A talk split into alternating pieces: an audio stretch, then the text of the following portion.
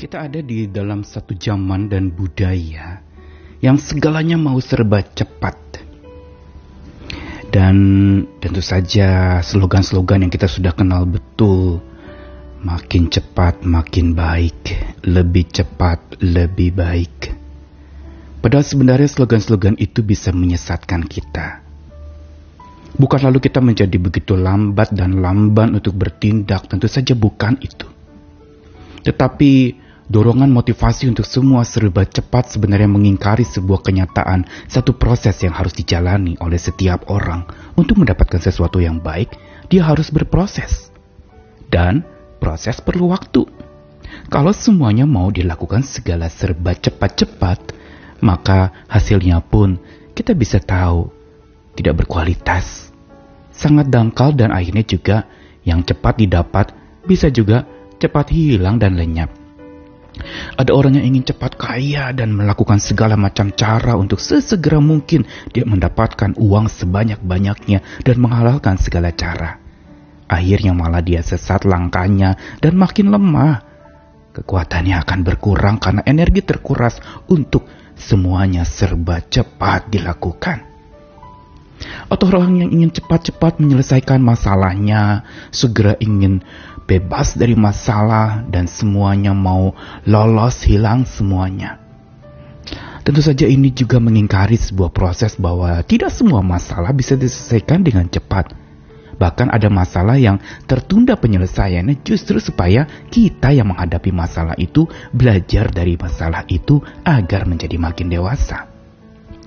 Ada satu pepatah yang diungkapkan oleh seorang bernama Elizabeth Elliot dia mengatakan bahwa si jahat telah membuat pekerjaannya memonopoli segala sesuatu dengan tiga elemen, yaitu kegaduhan, ketergesaan, dan kerumunan. Dan tidak satu pun tempat yang disediakan oleh si jahat mengizinkan adanya ketenangan. Dengan kata lain bahwa si jahat itu sedang berjuang untuk supaya kita hidup dalam kegaduhan, dalam ketergesaan, dan dalam kerumunan banyak orang. Makin banyak, makin baik, makin rame, kita katakan berhasil, makin cepat selesai dan kita katakan, wow, target tercapai dan ini yang saya cari-cari. Padahal ini adalah sebuah peperangan rohani. Bukankah sebenarnya musuh rohani yang tersembunyi adalah selalu serba ingin cepat. Wow, begitu mengerikan. Kita harus menenangkan diri. Kita harus menjalani segala sesuatunya, ikuti proses yang Tuhan kehendaki.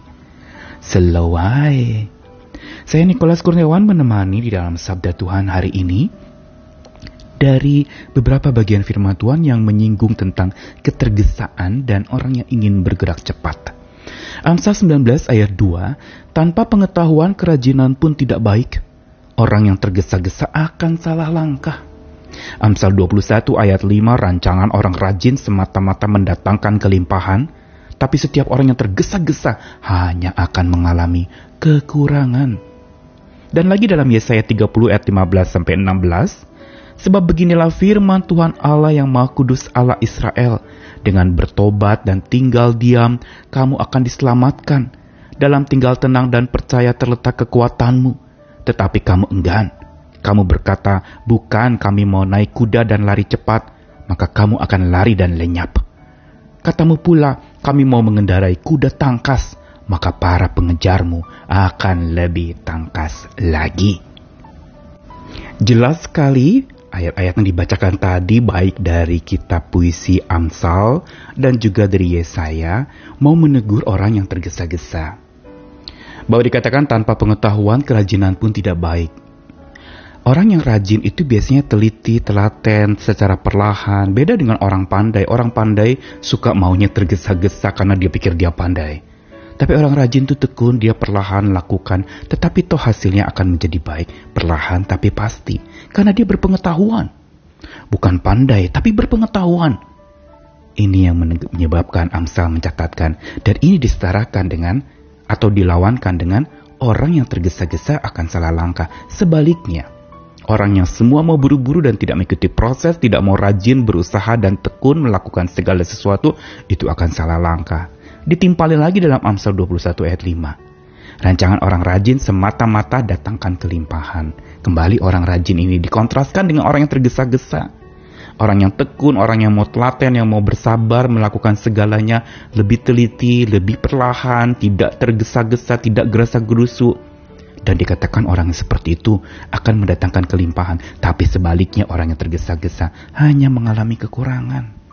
Dan lebih keras lagi, di dalam teguran Tuhan kepada umat pilihannya, dia katakan dengan bertobat dan tinggal diam, kamu akan diselamatkan. Dalam tinggal tenang dan percaya terletak kekuatanmu. In quietness and believe.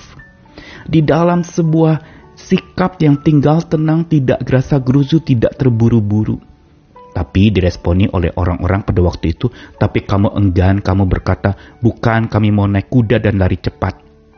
Maka kamu akan lari dan lenyap. Katamu pula, kami mau mengendarai kuda tangkas. Pengejarmu akan lebih tangkas lagi. Kalau orang sudah masuk dalam satu lingkaran semua serba cepat dan dia menjadi lambat, dia akan mungkin dicaci makian dan diolok-olok. Dikatakan lamban sekali sih kamu kecepatanmu itu, ini Pentium berapa atau zaman dulu punya ini kecepatan komputer saja lebih cepat dari kamu berbuat sesuatu. Kata-kata itu sering kali justru menyepelekan dan meremehkan manusia yang sebenarnya dia perlu berjalan perlahan pasti menuju kepada satu goal yang sebenarnya lebih dalam dari sekedar melakukan semuanya sesegera mungkin, secepat mungkin, tetapi sesesat juga kita disesatkan olehnya.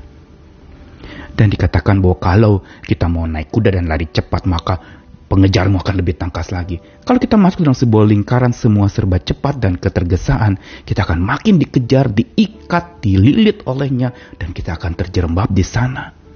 Kita akan terjerat di sana. Karenanya pesan hikmat hari ini dari sabda Tuhan mau mengajarkan kepada kita juga dalam masa-masa perenungan prapaskah di hari-hari ini merenung tidak bisa cepat-cepat merenung perlu slow, pelan-pelan. Karena orang yang mau serba cepat akan sesat langkah dan mudah lemah. Tetapi orang yang sungguh-sungguh sadar bahwa Tuhan ada bersama dengan dia dan menenangkan dirinya dan bersama dia dia tenang, maka dia akan mendapati ketenangan itu kekuatannya. Karena tergopoh akan bikin roboh. Hanya bikin roboh kalau kita tergopoh-gopoh bisa kacau semuanya karena mau cepat. Dan juga ketergesaan itu penghalang kedewasaan. Sebagaimana tadi sudah dikatakan oleh Elizabeth Elliot, bahwa si jahat sedang memonopoli kehidupan manusia lewat tiga elemen ini, kegaduhan, ketergesaan, dan kerumunan. Ketiga hal ini sering kali jadi barometer ukuran kita berhasil bukan? Makin ramai, wah berhasil. Makin cepat, wah berhasil. Makin banyak kerumunan, wah berhasil. Padahal bukan itu tiga ukuran keberhasilan. Tapi ukurannya ada di dalam jiwa kita. Ketenangan. Ketika kita izinkan, bukankah firman Tuhan katakan dalam tinggal diam dan tenang, bertobat dan tinggal diam, percaya kepada Tuhan, justru di situ engkau menjadi kuat. Kunci ketenangan adalah kemenangan dan kunci kemenangan adalah ketenangan. Mari tinggal tenang dekat dengan Tuhan dan merenunglah bersama dengan Tuhan di dalam kecepatan yang perlahan tetapi pasti. Ayo kurangi kecepatanmu dan tenangkan diri di hadapan Tuhan yang mengasihimu. Amin.